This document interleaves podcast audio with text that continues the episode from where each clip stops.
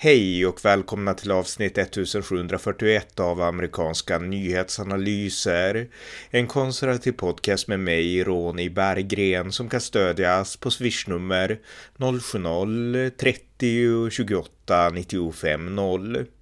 Demokraternas senator Raphael Warnock har just nu besegrat den republikanske utmanaren Herschel Walker i delstaten Georgias runoff-val. Det innebär att Demokraterna vinner en extra plats i senaten i jämförelse med den senaste mandatperioden. Här berättar jag mer. Varmt välkomna!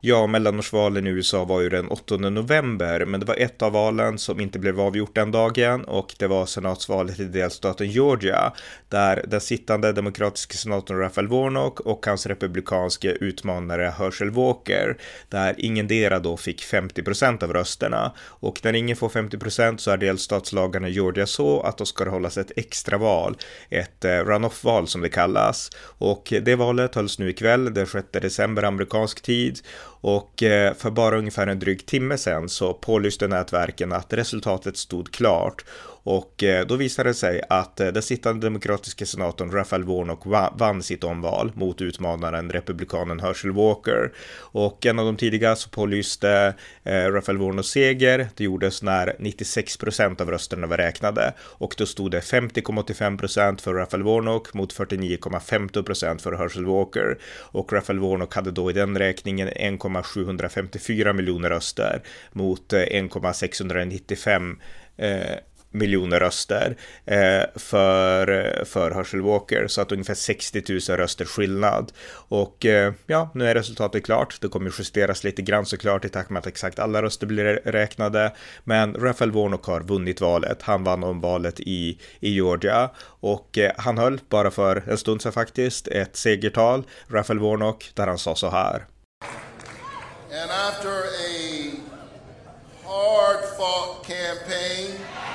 Or should I say campaigns, it, it is my honor to utter the four most powerful words ever spoken in a democracy.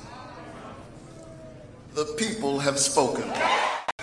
So let's celebrate for a little while on this mountain. Let's dance because we deserve it. But tomorrow we go back down into the valley to do the work. I know that the days are still difficult. The times are dark, but the light, the scripture says, shines in the darkness, and the darkness overcometh it not. I'm ready to keep doing this work. I can hear my dad of blessed memory say, get up, Get dressed. Put your shoes on. Get ready. Are you ready, Georgia?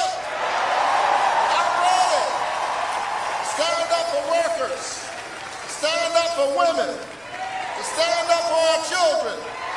I'm ready to build a stronger Georgia. God bless you. Keep the faith and keep.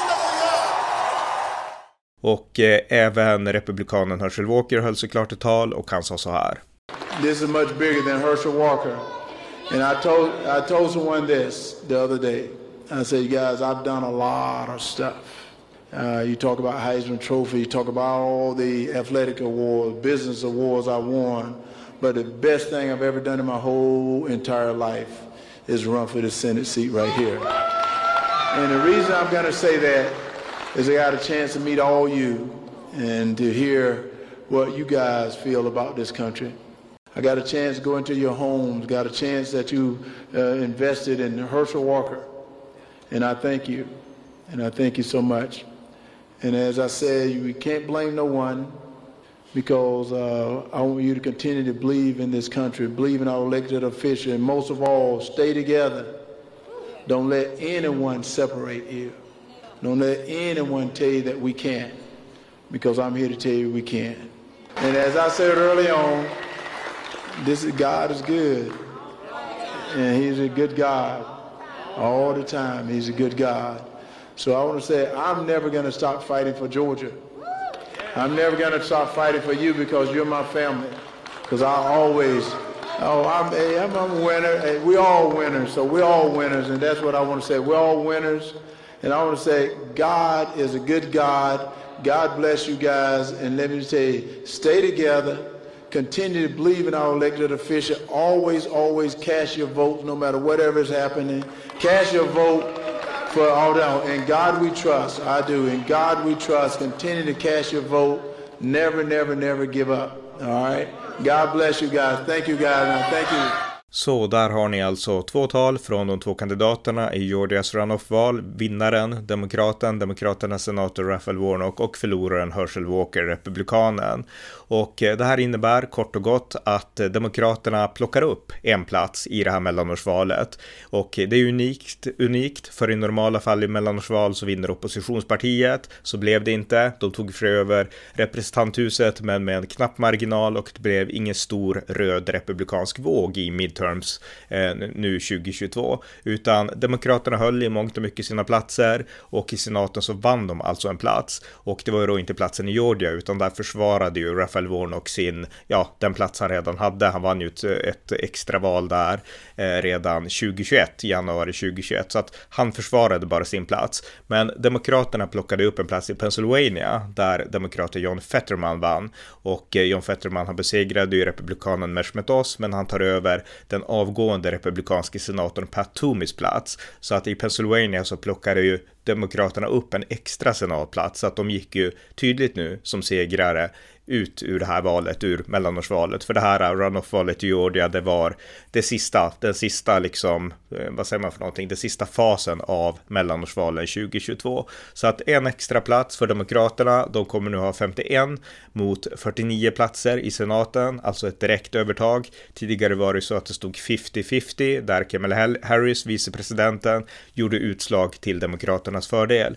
Men nu har Demokraterna en riktig majoritet och det betyder att Demokraterna får makt, den direkta makten över kommittéerna. Det behöver inte vara förhandlingar mellan Chuck Schumer, Demokraternas ledare i senaten och Republikanernas ledare Mitch McConnell, utan Demokraterna får nu bestämma över kommittéerna i, i senaten.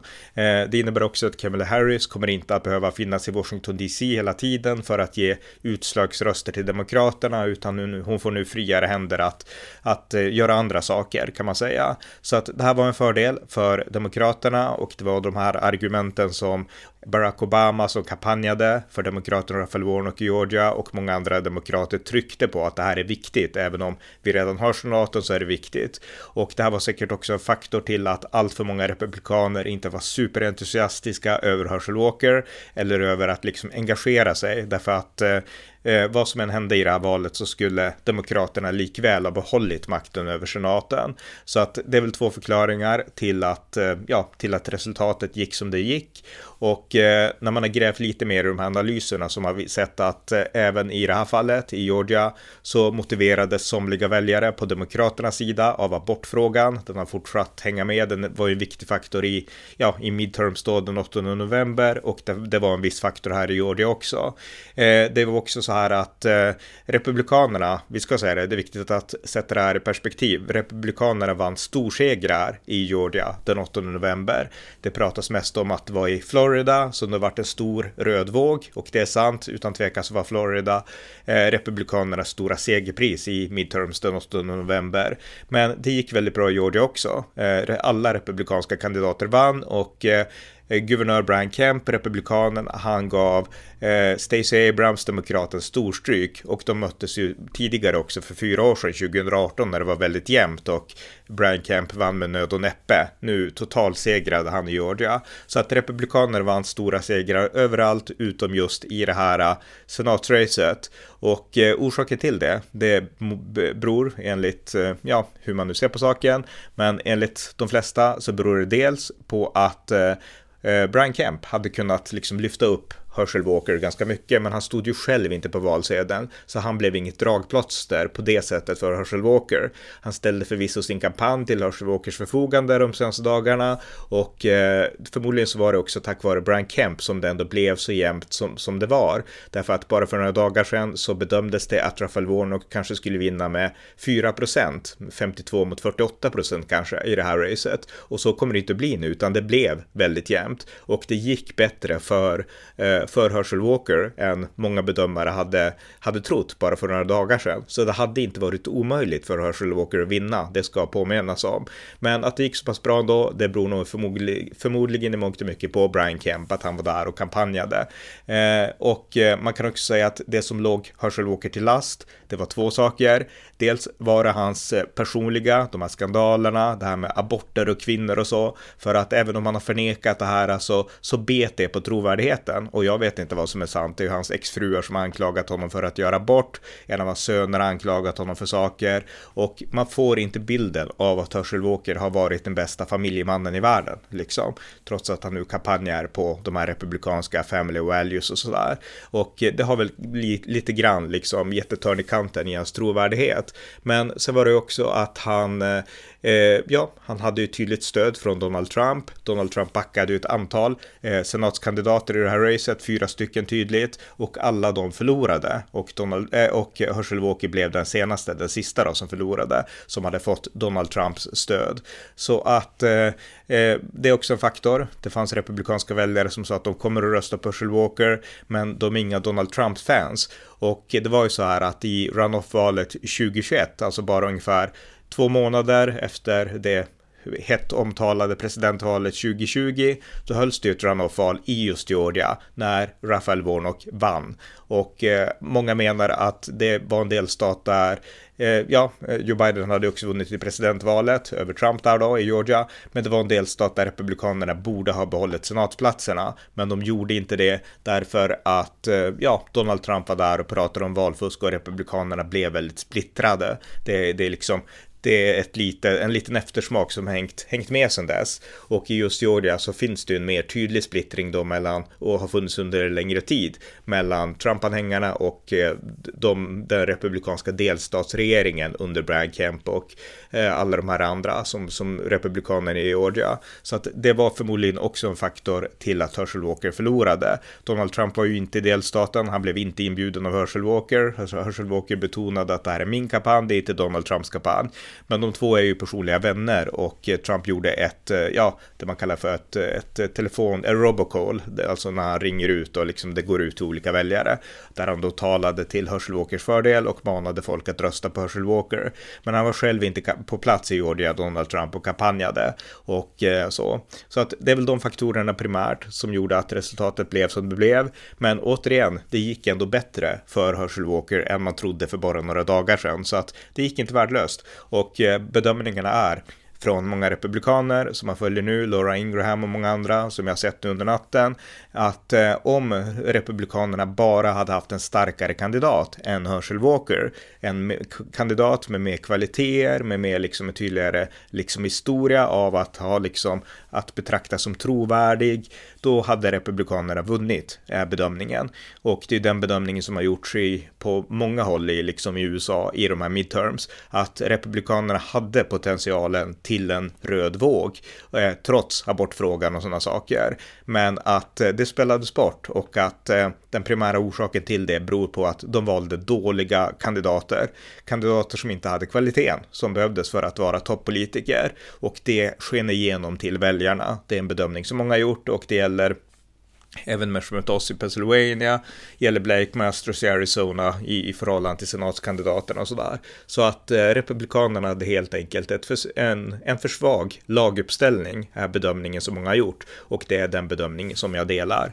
Men återigen, det spelar ingen roll utan att få ta nya tag inför 2024. Eh, Demokraterna har vunnit, de har som sagt vunnit en extra plats i senaten nu med den här segern i Georgia.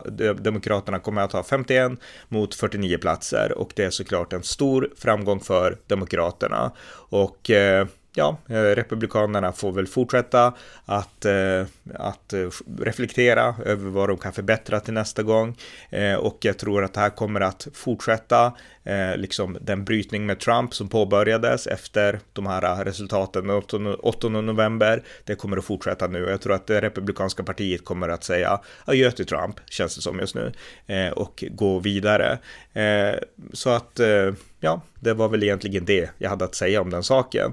Eh, det här innebär också praktiskt för Demokraterna att de kommer inte längre att bli lika beroende av de här mer mittendemokraterna som gör Manchin. Nu kommer de ha makt att kunna fatta beslut lite mer fristående. Eh, det innebär också att eh, eh, ja, att mellanårsvalet, för att avsluta och sammanfatta det här, då mellanårsvalet 2022 är nu över. Det här var det sista, det sista valet i mellanårsvalet 2022. Tack för att ni har lyssnat på amerikanska nyhetsanalyser. En podcast som kan stödjas på swishnummer 070-30 28 95 0 eller via hemsidan usapool.blogspot.com på Paypal, Patreon eller bankkonto. Skänk också gärna en slant till valfri Ukraina-hjälp. Allt gott tills nästa gång.